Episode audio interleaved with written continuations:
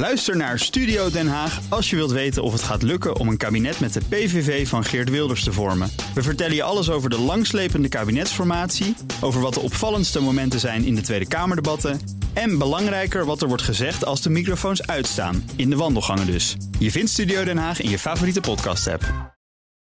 Blijf scherp. BNR Nieuwsradio. Extra nieuwsuitzending. Mark Beekhuis.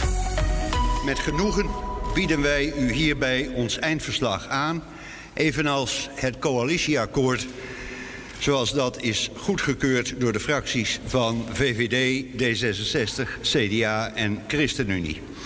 Ja, na een recordlange formatie is er dan eindelijk een regeerakkoord. Geen podcast vanmiddag, geen podcastuur, wel een extra nieuwsuitzending. Trouwens, wel een extra podcast ook. We maken deze, dit uur maken we ook een aflevering van Nieuwsroom Den Haag van. De informateurs en de fractievoorzitters hebben zojuist aangeboden uh, hun document aan de voorzitter van de Tweede Kamer. Het coalitieakkoord is wat korter dan in 2017. Zoals ik eerder heb gezegd, was de opzet om de nadruk te leggen op het waarom en op het wat. Soms bleken er echter meer afspraken nodig. Op sommige terreinen is dus ook het hoe al uitgewerkt. Nou, toch een beetje alvast ingevuld. We gaan eens even kijken bij Sophie van Leeuwen in Den Haag. Uh, zijn we al zover dat de vier fractievoorzitters zelf ook aan het woord komen? Want we hebben tot nu toe de informateurs gehoord. Zijn we al zover, Sophie? Ja, ik hoop het. Uh, ik zie dat er heel erg druk ja, met camera's wordt gerend naar Kaag onderweg naar het podium. En Rutte natuurlijk van de VVD, Kaag van D66, Hoekstra stapt nu het podium op. En weldra gaat de dimissionair premier, de VVD-leider, ons toespreken over ja, hun kerstakkoord. Het is ervan gekomen onder de kerstboom. Ballen en, uh, erin, jullie... cadeautjes. Ja, Sophie, onderbroken. We gaan beginnen. Uh, en laat ik beginnen te zeggen dat ik me realiseer dat we dit akkoord presenteren in een moeilijke tijd. Uh, een tijd waarin heel veel mensen hun leven onder druk voelen staan. Een tijd waarin heel veel mensen, zeker ook door de aanhoudende coronacrisis, het simpelweg zat zijn. En tegelijkertijd, diezelfde mensen, wij met z'n allen, zijn ook een land van doorzetters. Uh, een land van doorzetters, van mensen die bereid zijn uiteindelijk de schouders eronder te zetten uh, en ook weer zich door die moeilijke tijd heen te slaan. En wat dat betreft is het motto deze dagen in onze samenleving, los van een aantredend kabinet, uh, volhouden met onze blik naar de toekomst. Het heeft lang geduurd. Het heeft, mag ik wel zeggen, te lang geduurd. Het aantreden van een nieuwe coalitie. Maar ChristenUnie, CDA, D66 en VVD zijn samen tot, vind ik, een mooi en een stevig akkoord gekomen. Het grote vraagstuk wat dit kabinet voor ogen staat... is ervoor te zorgen dat ook in de toekomst toekomstige generaties in staat zijn keuzes te maken in hun persoonlijk leven. En daarvoor moet nu het fundament gelegd worden. En dat moet op de grote maatschappelijke problemen moet dat fundament gebaseerd zijn. Daar moet het een oplossing voor bieden. Op het terrein van klimaat, op het gebied van wonen, onderwijs en veiligheid. En dat klinkt abstract, dus laat ik proberen daar iets concreter in te zijn. Betekent dat veel belastingen inderdaad naar beneden gaan. Het betekent dat we eraan willen werken dat je een betaalbaar huis kunt vinden en een vaste baan. Dat je leeft in een veilige buurt en dat criminelen niet in dit land de baas zijn op straat. Dat we een sterk onderwijsstelsel hebben wat beter is dan het huidige onderwijsstelsel. Het moet verbeteren. Gebruik maakt van alle energie en krachten in dat onderwijs zelf. Wat je ook voorbereidt op de banen van de toekomst. Dat we ook grip hebben op onze grenzen. Dat we weten wie er binnenkomt, maar dat we er ook voor zorgen dat mensen die weg moeten ook weer weggaan. En cruciaal dat we dit land schoner achterlaten voor onze kinderen en voor onze kleinkinderen. En dat doen we met speciale aandacht voor al die hardwerkende middengroepen en al die mensen die het net wel of net niet redden in dit land. Die willen wij een steun in de rug bieden. We gaan niet over één nacht ijs. En we willen ook de samenleving hierin meenemen. En ook onze politieke collega's hier in de Tweede Kamer en ook in de Eerste Kamer. Al die constructieve partijen. We zullen het debat voeren. Ik denk dat het belangrijk is, juist ook in dat brede politieke midden... van centrum links tot en met centrum rechts... dat debat af en toe op het scherpste voeren. Gericht uiteindelijk op het creëren van compromissen. En we doen het ook op een manier dat het vertrouwen in de overheid herstelt. Want we weten dat dat vertrouwen vandaag in de overheid en in de politiek... dat dat vertrouwen laag is. Dat doen we ook met aandacht voor de slachtoffers van de kinderopvangtoeslagaffaire en de gaswinning in Groningen. Ik wil daarbij de informateurs ongelooflijk dank zeggen voor hun engelengeduld en het feit dat ze ons op zo'n fantastische manier hebben begeleid in dit proces. Samenvattend is het de ambitie van deze aantredende coalitie om te bouwen een land waarin we omzien naar elkaar en vooruitkijken naar de toekomst. Graag het woord aan de fractievoorzitter van D66, Sigrid Kaag. Ja, uh, goedemiddag. Um, wij zijn de onderhandelingen over dit akkoord begonnen met het motto... we doen het goed of we doen het niet. En ik denk dat het akkoord dat wij vandaag samen presenteren daaraan voldoet. Het akkoord heeft titel Omzien naar elkaar, vooruitkijken naar de toekomst. En dat spreekt mij enorm aan en mijn collega's ook. Want hieruit spreekt een serieuze ambitie, een sociaal gevoel en een blik op de toekomst. Een progressieve blik. En toch ook hoort u ook van mij vandaag geen woorden van trots of tevredenheid. Deze coalitie moet met bescheidenheid en gepast realisme elke dag weer werken aan vooruitgang, aan samenwerking, aan het overbruggen van verschillen. Er is ontzettend veel te doen, zeker in tijden van corona, maar ook denkend aan de periode die nog komt met corona. Maar we hebben ambitie. We hebben de ambitie om te voldoen aan de anderhalve graden doelstelling van Parijs. Een ontzettend belangrijke. We nemen concrete maatregelen voor 60% CO2-reductie in 2030. We gaan naar klimaatneutraliteit in 2050. Dat doen we op allerlei manieren. Met groene belastingen, maar ook met enorme investeringen in hernieuwbare energie. En door taboes te slechten op rekening rijden en ook op kernenergie. We hebben een grote ambitie voor Europa. We willen ook weer leidend zijn en een positieve rol spelen waar we kunnen. We willen de Europese Unie verdiepen en hervormen. Voor onze welvaart en voor onze veiligheid. Voor mij persoonlijk is die open blik naar de wereld essentieel. Het sociale gevoel van dit akkoord spreekt uit de vastberadenheid om honderdduizenden huizen per jaar te bouwen, waarvan twee derde voor lage en middeninkomens.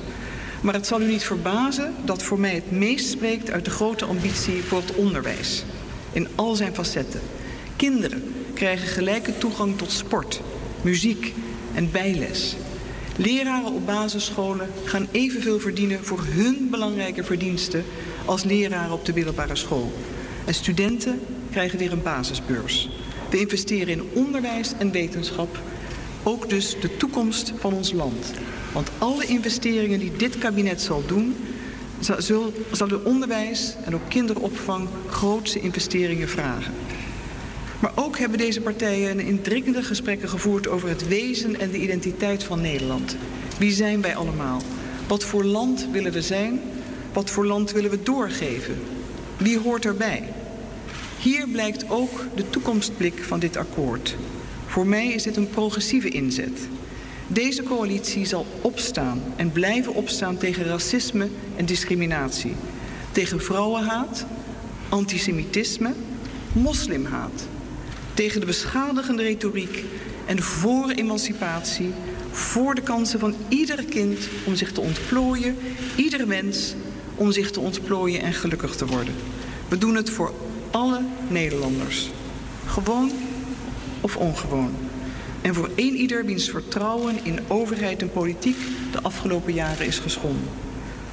En ongetwijfeld zullen velen wijzen, en terecht, op de hele moeizame start van deze coalitie. Dat delen wij allen. En daarom van, ook van mij geen voldane woorden vandaag. Het is pas de start. En ik sta hier met een hele ouderwetse Hollandse nuchterheid. Laten we aan de slag gaan. Laten we elkaar zien te vinden in de kracht van de ideeën. Met alle partijen waar zij willen. En het is een open uitnodiging voor hen om onze ideeën die op tafel liggen te verbeteren. Maar laten we dit vooral samen doen. Voor het land. Want het heeft al lang genoeg geduurd. Dank. Ik geef graag het woord aan de fractievoorzitter van het CDA, Bob Koekstra. Dames en heren, goedemiddag. Het CDA heeft zich ingezet voor een coalitieakkoord waarin we de balans herstellen. Een Nederland waarin welvaart en welzijn, vrijheid en verantwoordelijkheid, economie en klimaat daadwerkelijk met elkaar hand in hand gaan. Een land waarin je juist meer zekerheden hebt voor onze middenklasse. En die overgrote, welwillende meerderheid die uiteindelijk de ruggengraat is van ons land. En ik wil graag een paar voorbeelden geven hoe we dat doen. Op de eerste plaats willen we inzetten op een betere balans tussen nu en straks. Iedereen moet kunnen studeren. En de basisbeurs komt daarom terug. We halveren het aantal kinderen dat in armoede opgroeit. En we pakken het woningtekort aan. En zetten in op 100.000 nieuwe woningen per jaar. We investeren miljarden in infrastructuur en in onze leefbaarheid. Onze veiligheid staat onder druk. Drugsgeweld, de moord op een advocaat en een journalist, toenemende overlast. Het zijn aanvallen op onze rechtsstaat. En dat vraagt om zowel preventie als om harde maatregelen. En die nemen we beide. En veiligheid vraagt ook om investeringen in onze defensie. We kiezen ook voor economie en klimaat. En duurzaamheid is essentieel voor onze welvaart en ons welzijn. En daarom helpen we Nederlandse bedrijven te vergroenen. We zorgen voor de energietransitie en voor iedereen in Nederland voor een betaalbare energierekening. We investeren in duurzame toekomst van onze landbouw.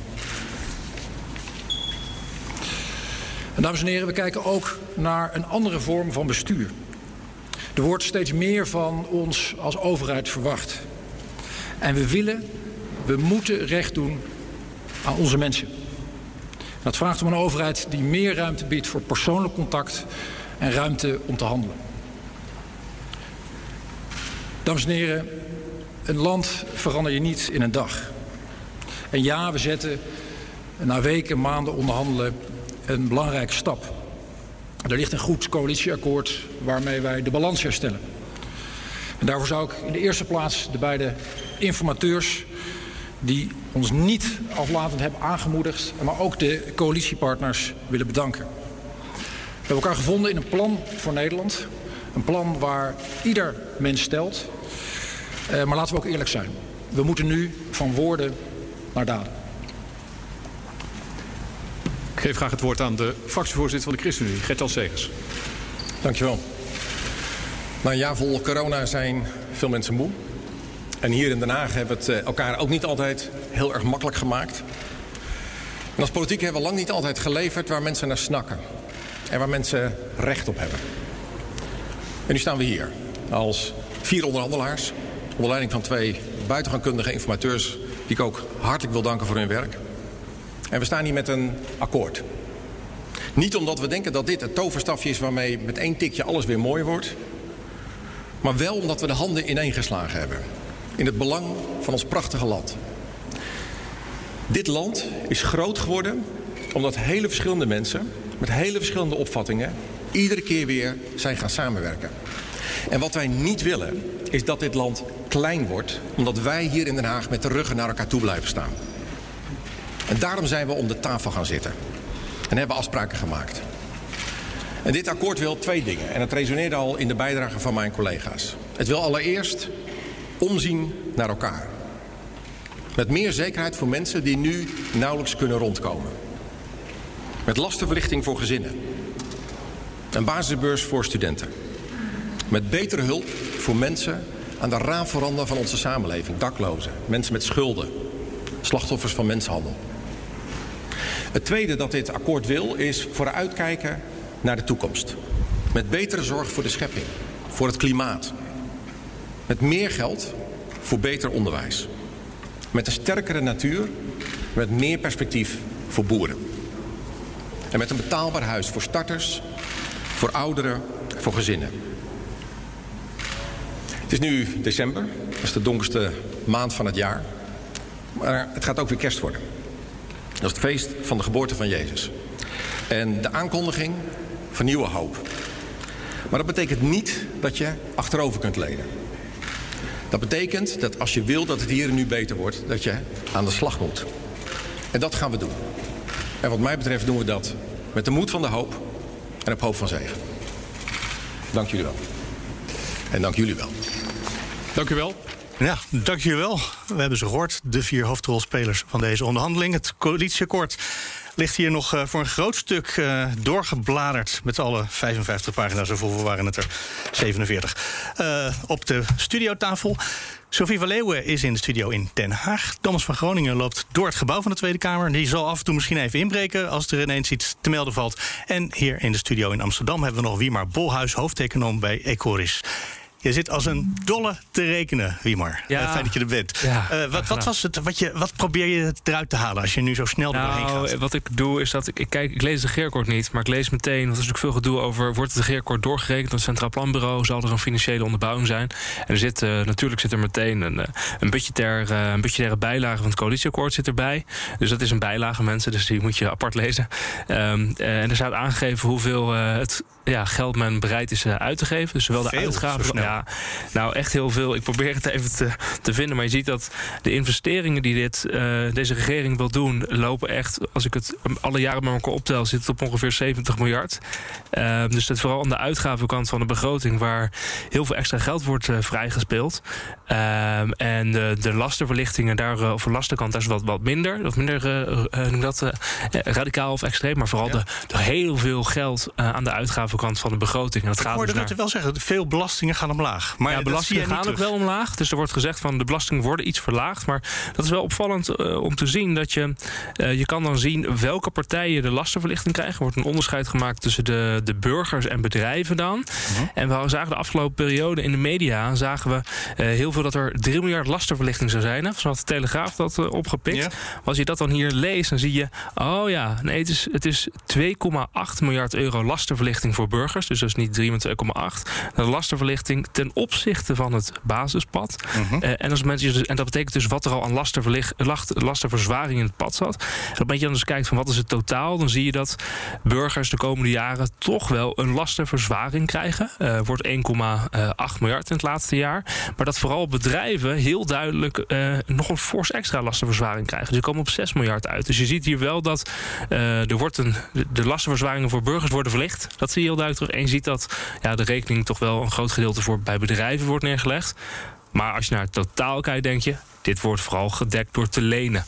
En het is een, een kabinet met een investeringspakket... dat uh, heb ik in mijn uh, leven nog, nog nooit gezien. Het is uh, ongelooflijk veel. Is dat misschien de reden waarom het niet is doorgerekend? Omdat het gewoon van een schaal is die we niet gewend zijn? Ja, het is sowieso van een schaal die we niet gewend zijn. en vooral wat nu al opvalt... is dat er heel veel extra geld gaat naar... Bijvoorbeeld onderwijs. Um, er staat toch echt wel heel veel geld uh, extra op de, op de planken. Uh, en wat opvalt is toch heel veel geld voor het ministerie van Economische Zaken en Klimaat. Dus om bijvoorbeeld infrastructuur aan te leggen voor waterstofnetwerken en laadpalen. Dus echt de vergroening van de economie. Er staat ook een, een budget gereserveerd voor de bouw van kerncentrales. Maar het grootste gedeelte, dus 8 miljard bij elkaar, zit dus echt op, uh, ook op groene industriepolitiek. Dus echt vergroening van de, van de economie. Dus dat ministerie van Economische Zaken en Klimaat, dat heeft van een duidelijk, die heeft een budget beschikbaar, maar daarop houden en veel te doen. Ik vind het indrukwekkend dat je dat er in die korte tijd uh, tussenuit gehaald hebt. Want het zijn uh, vele, uh, vele ik zou zeggen vele stapels papier, maar ook de heleboel grafieken en tabellen. Um, Sophie, de titel. Ja. Omzien naar elkaar, vooruitkijken naar de toekomst. Toen dacht ik dat het bijna net zo'n kromme zin als het, uh, het verkiezingsprogramma van D66 op de voorpagina had. Laat iedereen vrij, maar niemand vallen.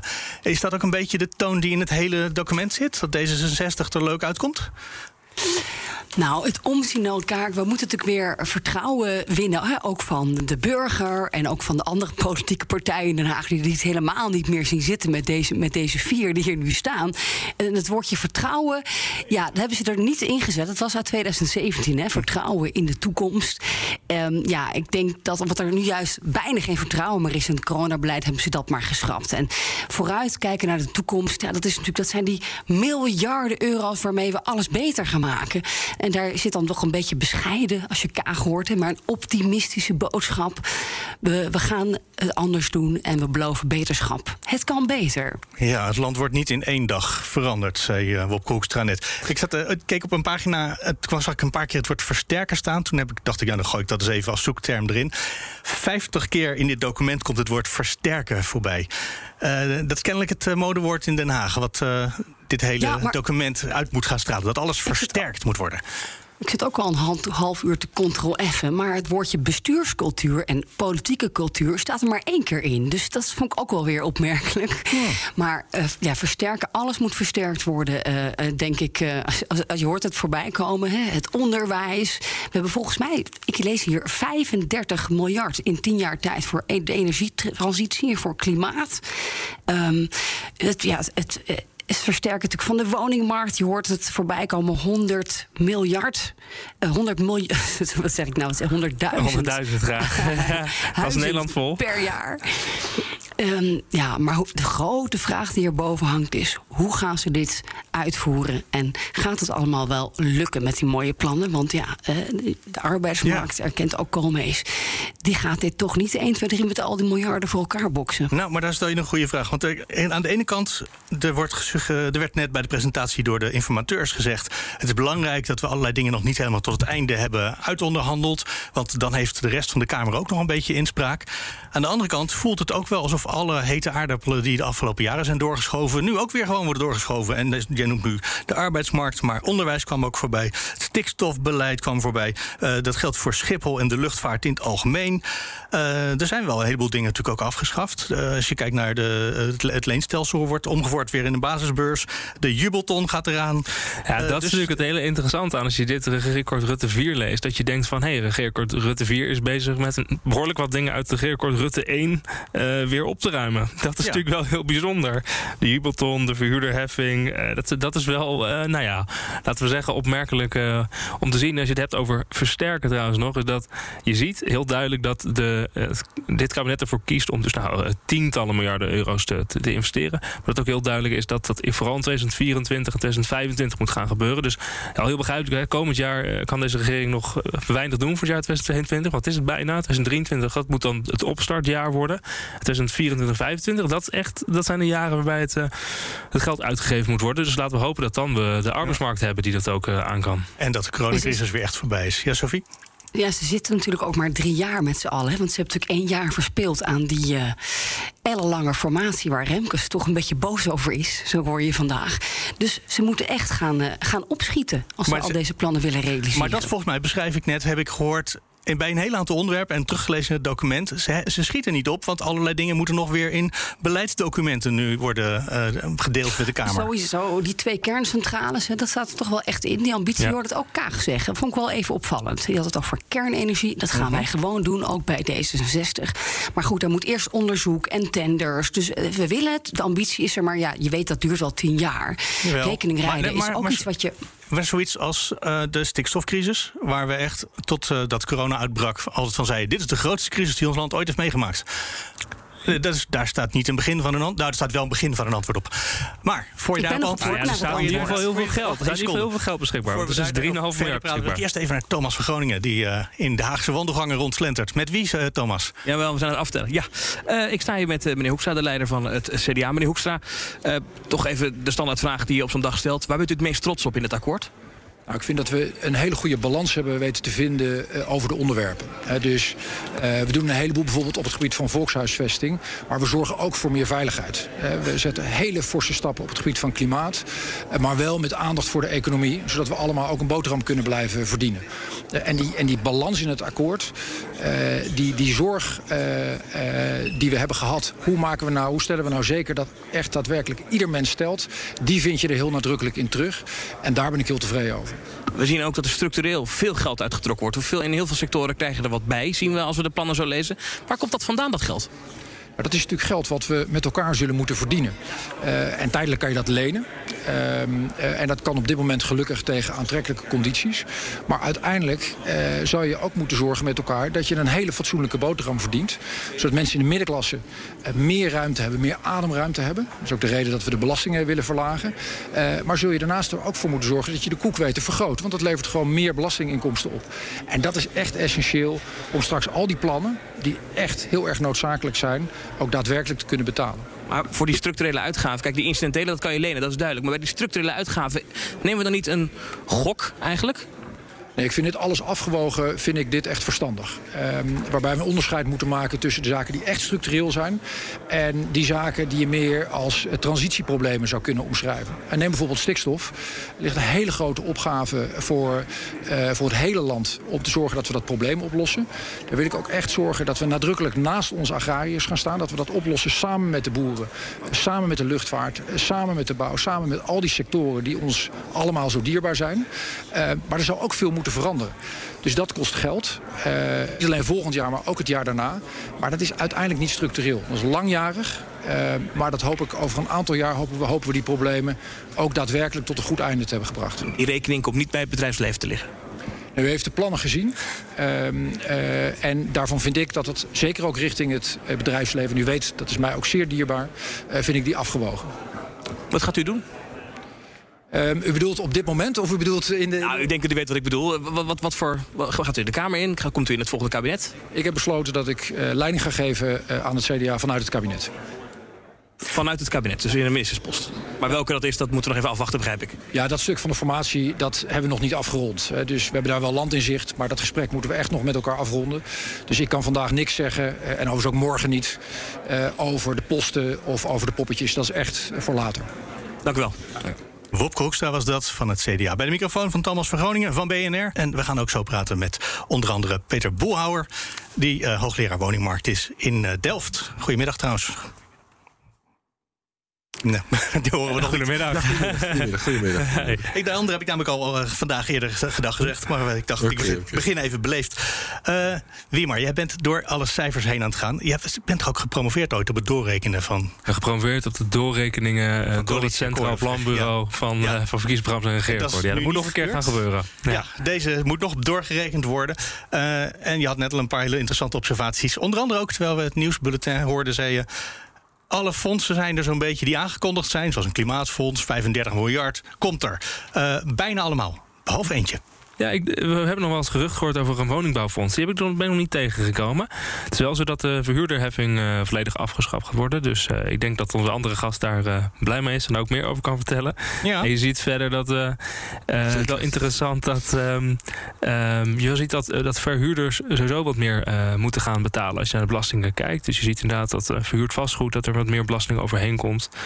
Um, en wat opmerkelijk is bij de belastingen, is dat er duidelijk gekozen wordt om bijvoorbeeld uh, tabaksaccijns te, verder te verhogen. Uh, er wordt echt gekozen om milieuvervuiling meer te belasten. Bedrijven die energie gebruiken krijgen ook meer een hogere belasting. dus je ziet daar wel ook een hele duidelijke ja, vergroeningskant, misschien zelfs gezondheidskant via het belastingstelsel. Maar de verhuurderheffing gaat eraf. Voor de ja. woningcorporaties is die in essentie.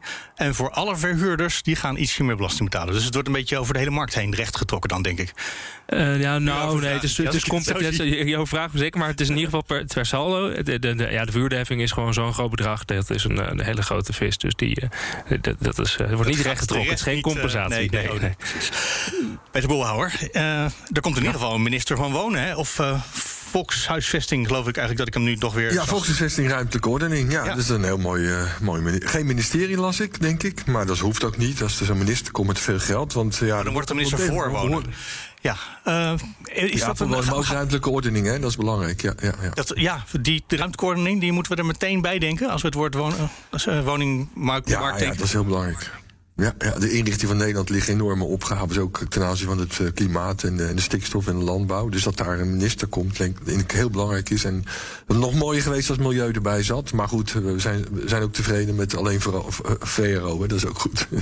Ja, u bent opgewekt, optimistisch over wat u leest. Ja, ik vind het een heel mooi. eh, Ja, er, zit, er is ook behoorlijk wat geld eh, beschikbaar, hè, want dat werd net even aangegeven. Maar ja, die verhuurheffing, dat gaat geleidelijk hè, gaat die afgeschaft worden. Maar dan praat je over het, aan het einde toch over 1,7 miljard. Er wordt aangegeven dat de woningbouwimpuls hè, die we nu hebben, wordt gecontinueerd. Het Volkshuisvestingsfonds wordt doorgezet. En er is 7,5 miljard voor de komende. Meneer Boelhouwer, ik ga u even onderbreken. Ongelooflijk onbeleefd van mij. Maar ja, dit is zo'n moment Ja, is dat goed, hoor. Thomas van Groningen weer even een lijsttrekker Ja. heeft. En dat is Sigrid Kaag van D66. Ja, mevrouw Kaag, de leider van D66. Ehm, ik hoor u volgens mij net zeggen dat u er nog niet uit bent of u het kabinet ingaat of niet. Ik heb eh, gezegd dat ik het nog niet wil zeggen wat ik ga doen. Dat ik bezig ben met de samenstelling van de ploeg voor het kabinet. En kijkend ook eh, naar de fractie. Oké, helder. Ehm, hoe progressief is dit kabinet? U heeft een progressieve belofte gedaan aan uw kiezer. Hoe progressief eh, heeft u die belofte ingelost met dit akkoord? Nou, het is aan de kiezer en de lezer om dat te bepalen. Wij denken dat het een, een progressief akkoord is. Als je kijkt naar de investeringen in klimaat, in onderwijs, in de rechtsstaat. Maar ook als je bijvoorbeeld kijkt naar eh, cultuur en de crea- creatieve industrie. Als je kijkt naar eh, hoe we omgaan, eh, hoe we ons willen neerzetten buiten, in het buitenland. Zeker binnen Europa. Wij zien dit als progressief. Maar progressief moet je ook lezen als toekomstgericht. Wat is nodig om een betere toekomst te kunnen creëren voor één ieder? Ja, maar we zien dan bijvoorbeeld ook een vrij strenge migratieparagraaf. Dat is toch niet zo progressief?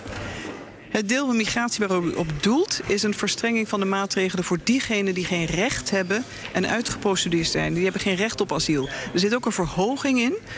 Sinds 2001 nooit gezien van het UNHCR-quotum voor legitieme vluchtelingen. Mensen die oorlog en geweld ontvluchten. En die hebben dan recht om naar Nederland te komen. Er staan ook goede paragrafen in over arbeidsmigratie en migratiepartnerschappen met derde landen onder bepaalde voorwaarden. Dus ik hoop echt dat we deze kabinetsperiode ook kunnen laten zien dat migratie zoveel meer is dan asiel. Ja, want die arbeidsmigratie is wel interessant. Want overal in dit akkoord lees je toch, ligt als een sluier ligt er overheen... dat er een tekort is aan vakmensen. Op heel veel gebieden. Of het nou het onderwijs is, eh, in, de bouw, eh, noem maar op. Eh, hoe gaat u die problemen de komende jaren oplossen? Nou, dat is bijvoorbeeld één belangrijk punt voor ons geweest. We kunnen de mo- mooiste ambities hebben als we de vakmensen niet hebben. En de, de, de bedrijven en ook de overheid schreeuwt om mensen... dan moeten we dus op een andere manier ernaar kijken. Zeker in het licht van een vergrijzend Nederland. Dus je moet die discussie aangaan. Je moet weten waar je de mensen nodig hebt. En mogelijkerwijs onder welke voorwaarden. En hoe dat eruit kan zien. Dus dat is ook een blik naar de toekomst. Maar bijvoorbeeld een verpleegkundige aan je bed die geen Nederlands spreekt, is dat een optie? Nou, daar denk ik niet in het bijzonder aan. Maar ik, je kunt wel aan de bouw denken. Je kunt bijvoorbeeld denken aan alle klimaatversnellende maatregelen die genomen moeten worden. Ehm, er zijn heel veel opties. Een van één voorbeeld uitgaan. Kijk naar het bredere plaatje. Per sector moeten we in kaart gaan brengen. Wie hebben we nodig? Wat zijn de kwalificaties? En ook hoe kunnen wij door onderwijsinvesteringen bijvoorbeeld eh, veel beroepen weer aantrekkelijker maken? En waar liggen de banen van de toekomst voor veel jonge mensen? Waar is dat? Dus het is de hele keten die je moet meenemen. U wilt niet zeggen of u het, eh, het kabinet ingaat. Eh, dat zei uw collega van het CDA zojuist wel. Die zei, ik ga het CDA leiden vanuit het kabinet. Als we het hebben over die nieuwe bestuurscultuur en dualisme... is dat dan een goede aanzet? Ik heb geen commentaar op de keuzes van anderen. Ik ga alleen over mijn eigen woorden en mijn eigen keuzes. Oké, helder. Maar toch even die bestuurscultuur. Hoe gaat u dat doen de komende tijd? Hoe gaat u ervoor zorgen dat eh, het gat tussen kabinet en Kamer... dat dat een gezond gat blijft? Nou, daar zijn we met z'n allen bij. Ehm, ik denk alle partijen moeten daar goede afspraken over maken. We hebben daar ook eh, met z'n vieren en achten, eh, met, eh, met de partijleiders en de secondanten, ook veel tijd aan besteed. Hoe gaan we om met het gebrek aan vertrouwen in de overheid en de politiek? Hoe kunnen we dat herstellen? Wat hoort daarbij? Het regeerakkoord, het coalitieakkoord, is maar één opstapje. We moeten in alles wat we doen hoe we het bespreken, hoe we het dualisme gaan versterken, hoe, we, hoe de rol van de Kamer weer versterkt kan worden. U ziet dat ook in het regeerakkoord. Er zijn zoveel stappen die nodig zijn en die we consequent met elkaar af moeten lopen om dat te gaan bewerkstelligen. Dat is niet eh, eh, één zwaluw maakt, eh, maakt zomer eh. Nog één korte vraag. Het gaat ook over omgangsvormen. Er zit daar ook een beetje zelfreflectie in eh, voor D66. hè? U heeft het kabinet ooit vergeleken met een roestige auto. Eh, er zijn natuurlijk wat meer incidenten geweest rond D66... Met, eh, met allerlei verhalen die in de media kwamen. Hoe gaat u zelf daar wat aan doen... aan het verbeteren van de omgangsvormen in de politiek? Nou, u, u draagt uh, een groot thema aan. Het, het, grootste probleem op dit moment in het politieke debat zijn de aantijgingen, uh, de beschuldigingen en ik denk de beledigingen. Daarbinnen is het altijd goed dat we zelf indachzaam blijven, ook in momenten van, ik zeg maar, van de heat. Dat je kijkt van, oh, hadden wij of ik dat anders moeten kunnen formuleren. Dat de mens leert altijd. Maar het structurele probleem, mijn inziens, is de grote polarisatie uh, in het debat. en waar nog geen einde aan lijkt te komen. En dat is een grote opdracht. U ziet dat ook in het voorwoord van het coalitieakkoord. U ziet daar ook terug hoe wij als vier partijen willen laten zien dat het anders, anders kan, maar ook dat het anders moet. Dat is in het belang van de samenleving. Dank u wel. Sigrid Kaag was dat van D66 bij de microfoon van Thomas van Groningen. Van BNR natuurlijk. Uh, we gaan snel nog even terug naar Peter Bolhouwer, hoogleraar woningmarkt, die tenslotte over een minuut of vijf weer college moet gaan geven als hoogleraar. Moet je dat soort dingen ook nog doen? Ja, dat um, moet ook nog, ja. In het luisteren naar Sigrid Kaag hoorde ik dat ze achter het woord bouw in één gedachte door ook zei en dingen die we voor het klimaat moeten regelen. Zo'n soort zin, klimaatmaatregelen. U heeft ongetwijfeld de alinea's en de pagina's over uh, de, de volkshuisvesting al gelezen. Is dat inderdaad iets wat, uh, waar wij als huizenbezitters en huurders mee te maken gaan krijgen? Ja, er komt natuurlijk een enorme verduurzamingsopgave op ons af. En het was inderdaad het grote vraagstuk hoe we dat gaan aanpakken. Er is nu in ieder geval geld voor uitgetrokken. Dat is heel erg belangrijk. Of het in dat tempo kan, ja, dat gaf ze zelf ook al aan. Hebben we de handjes en, en uh, ja, de, de mensen om het uit te voeren? Dat is nog een, een tweede. En er moet nog heel veel geëxperimenteerd worden. Maar dat, het, dat, ja, dat, dat, uh, dat er nu eindelijk middelen voor komen, dat is wel heel belangrijk. Dus de, de urgentie is wel duidelijk uh, doorgedrongen bij het kabinet ja, in dit ja, opzicht. Dat, je, dat druipt, druipt er vanaf, ook aanzien van die woningbouw. 100.000 woningen, twee derde deel betaalbaar, 15.000 tijdelijke woningen. Ja, het is echt heel bijzonder wat ik, wat ik lees allemaal. Dus ja, dat is heel positief. Oké, okay, nou, door naar de studenten. Dan gaan we hier lekker door met Sophie van Leeuwen, die nog steeds in de studio uh, in Den Haag zit. Wat is het wat jij hoort uh, als je zo naar. We hebben nu twee fractievoorzitters gehoord: Wopke Hoekstra, CDA, Sigrid Kaag, D66. Wat hoor je tussen de regels door wat wij misschien missen? Nou, van Kaag gaat wel het gerucht dat ze mogelijk als fractieleider zou, zou, zou toetreden in de Kamer. Of zou blijven zitten eigenlijk in de Kamer en, en niet het kabinet in zou gaan. Eh, in verband met die nieuwe bestuurscultuur. Maar dat is nog niet helemaal zeker hoor. Dus dat zijn geruchten. Ja, Wopke Hoekstra wisten we eigenlijk wel dat die man een bestuurder is. En veel liever nou ja, in vak K zit om daar um, zijn ding te doen als minister. Ik zit trouwens uh, even tussendoor weer eens de ctrl-F in uh, het coalitieakkoord. En er zijn toch twee dingen die mij opvallen als ik een Hoekstra denk. De hypotheekrenteaftrek, dat ja. woord, ik ben, ik ben er naar op zoek. Ik heb het niet gevonden. Gaan we dat dan verder afbouwen of niet? Ik zie nou, het niet. niet. Uh, spreek mij tegen. Ja, het, het, staat er niet. Nee, het staat er niet. Vul me ook op. Ik ben ook naar op zoek geweest. Dus die ja, hypotheekrenteaftrek uh, blijft op deze manier dan, dan in stand. Dat is de enige conclusie die ik eraan uh, kan, kan, kan verbinden. Ondanks alle ja, berispingen vanuit Brussel en van de Nederlandse Bank, Klaas Knot, blijven we bouwen het een beetje verder af. Maar het blijft eigenlijk dus zoals het nu gaat. En het woordje jubelton, ik dacht dat die misschien afgeschaft ja, dat zou is worden. Ook zo. Ja, dat is ja, zo. Dat maar is die, staat erin. de jargon heet oh, die die anders. Heet anders. Ja, die, die heeft een veel anders. mooiere naam. Kom, we gaan eens even contact zoeken met Jacco Vonhoff, voorzitter bij MKB Nederland. Goedemiddag. Goedemiddag. Ja, we gaan van het ene onderwerp naar het andere. Dat is een beetje met zo'n programma als dit. Dus het laat zich lastig voorspellen hoe laten we precies waar komen. Uw eerste reactie op het regeerakkoord. Een beetje tevreden gevoel? Ja, ja overal uh, denk ik wel. We hebben, ik, we, hebben, we hebben net als jullie hebben hem net dus uh, uh, een beetje diagonaal gescand. Um, maar ja, we, ik hoorde net al controle F1, dat deden wij ook. En we hebben daar de term MKB maar eens even ingetikt. En die staat er 17 keer in. Ja. en ook op de goede plekken. En, en 16 keer wordt het woord ondernemers gebruikt. En ook daar zijn we, zijn we blij mee. Um, ja, en als we door, door de verschillende paragrafen heen kijken, dan, dan moet ik zeggen dat onze ja, onze oproep om, de, om de, dat MKB um, het uitgangspunt te maken van het beleid, dat dat toch wel, uh, dat dat wel goed geland is. Nou hoorde ik wel Wimmer Bolhuis net hier zeggen, ja, maar de bedrijven gaan wel meer belasting betalen.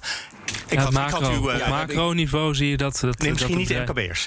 Ja, ik weet dus niet in hoeverre dat uh, bij de MKB'ers of bij het grootbedrijf... Ik denk eigenlijk meer bij het grootbedrijf, als ik het zo lees. Maar okay. in ieder geval op, op macro-niveau gaan de lasten bedrijfslopen omhoog. Ja. Nee, dan is dat niet uw ja, probleem, meneer Vonhoff.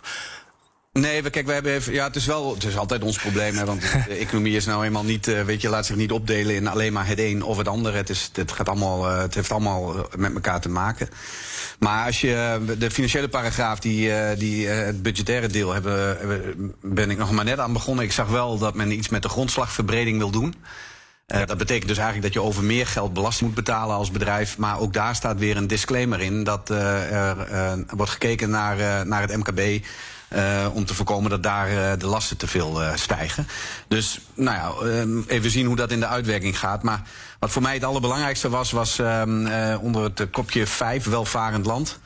hebben ze een, een, een hele mooie volzin opgenomen. En, maar die begint met de, met, met, de, met, de woorden: Voor deze coalitie is het MKB belangrijk.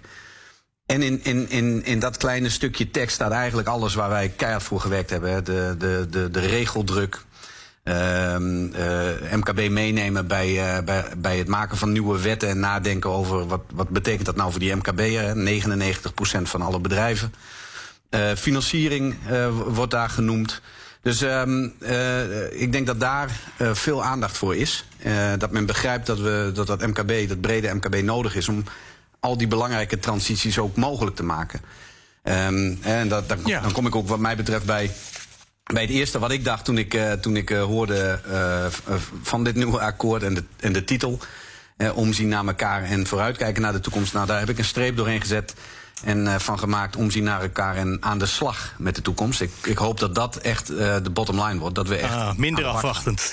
Ik dacht al, er moet, er moet ergens iets eh zuurigs onder blijven, toch? Maar over het algemeen Nee, bent nee, u nee, dat is heel niet zuurig. opgewekt. Het is Oh, een oproep om, om, het, om het echt te doen. hè. Dus, ja, ik hoor wat u zegt. ik moet naar Thomas van Groningen, die weer, een, eh, die weer een eh, fractievoorzitter, denk ik, bij zijn microfoon heeft.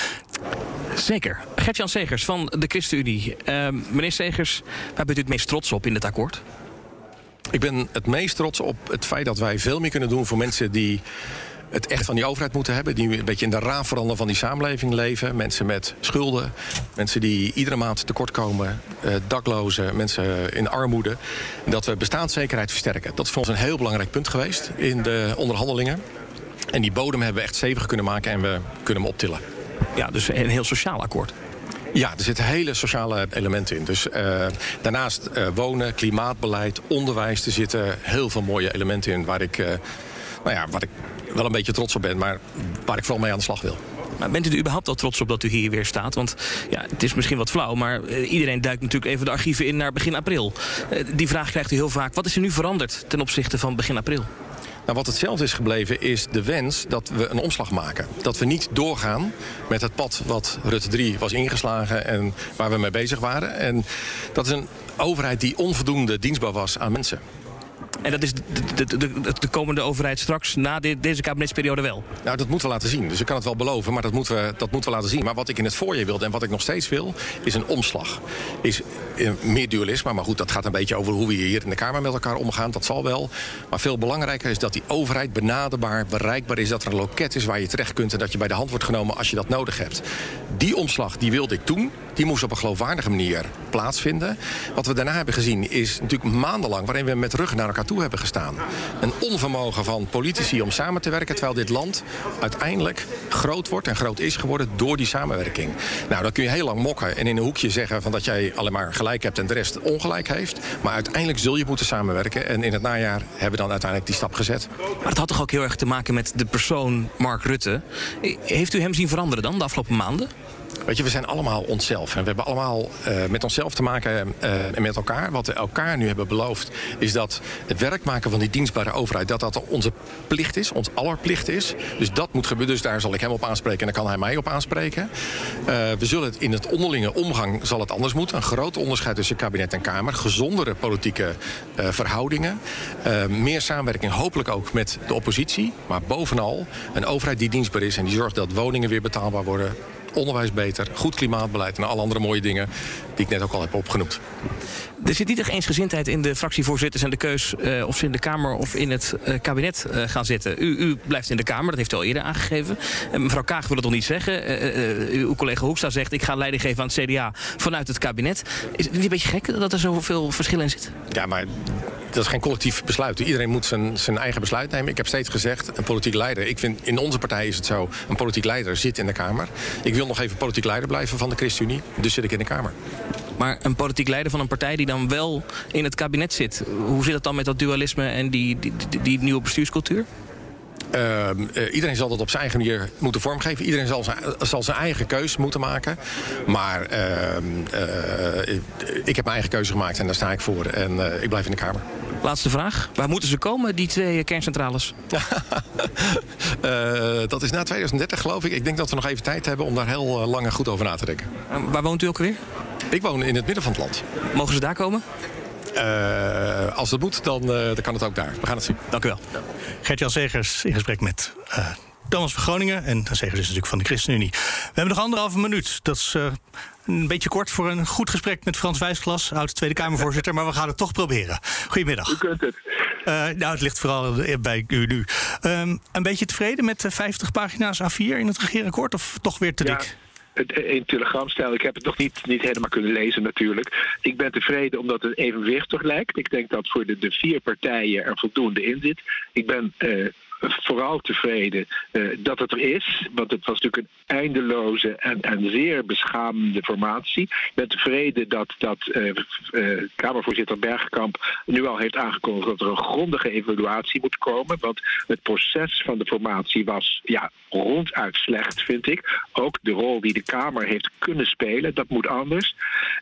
Ik ben, om er even aan te sluiten bij Thomas van Groningen, het laatste punt, of in het laatste punt. Ik ben ontevreden dat Hoekstra, uh, ja, u zult zeggen, waar bemoei ik me mee, maar ik bemoei me er wel mee, dat Hoekstra zegt, ik ga leiding geven aan het CDA vanuit het kabinet. Rutte doet dat ook, dat zal iedereen nu denken als ik dit zeg. Ja. dat is nu eenmaal zo dat de, de, de lijsttrekker van de grootste partij premier wordt. Voor mij had Rutte ook in de Kamer mogen gaan, had ik beter gevonden. Een beetje teleurgesteld daarbij. gepasseerd station, maar dat nu ook Hoekstra in, die, in, die, in het kabinet gaat zitten, dat is ja, toch een beetje een klap in het gezicht van dualisme. En ik hoop heel erg dat mevrouw Kaag, net als Segers, die dat goed doet, dat mevrouw Kaag ervoor gaat kiezen om ook uh, uh, in de Kamer te zitten. En dan kan ze voor de, de oudere luisteraars uh, de Bolkestein-rol gaan spelen. En dat is een, een, voor een politieke partij hele interessante rol.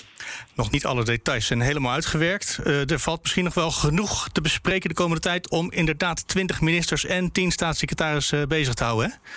Ja, twintig ministers vind ik veel. Die gaan elkaar voor de voeten lopen. Uh, tien staatssecretarissen vind ik, vind ik verstandig, want er is een grote werkdruk. Maar twintig ministers is ook gewoon weer extra werk. Ja, die gaan met elkaar vergaderen natuurlijk. ja, dat wordt weer extra vergaderen. Dus ik vind dat overdreven, twintig ministers. Oké, okay, nou dat is niet veranderd vandaag. Uh, Frans Wijsglas, voormalig Tweede Kamervoorzitter en uh, dus lid van de VVD. Hartelijk dank. Dankjewel ook, Wiemer Bolhuis. Ik heb nog één ding. Hoofdeconoom bij Ecoris. Ja, heel snel. Ja, laatste observatie. Laatste observatie. Gewoon goed te weten, het eigen risico. Wat jullie voor de zorgverzekeringswet betaalden. 375 euro was het? 85 volgens 85. mij. Dat blijft hetzelfde de komende paar jaar. Dus dat wordt uh, vastgezet op hetzelfde bedrag. Maar het eigen risico wordt wel aangepast. Dus er gaat een ja, aanpassing komen. We gaan wel meer betalen, maar toch heet het drill adresjes. En dit is een winstpuntje, voor de ChristenUnie. Dus ik denk dat ChristenUnie hier uh, heel tevreden mee is. Dan gaan we daar maar eens even ondervragen wat ze bereikt hebben. Dankjewel zeg ik ook alvast tegen Sofie van Leeuwen. Maar dat is uh, voorbarig om voor vandaag afscheid te nemen. Want over een uurtje ben je weer terug, denk ik. Met uh, Roos en Donatello in de middag. Dank voor het luisteren.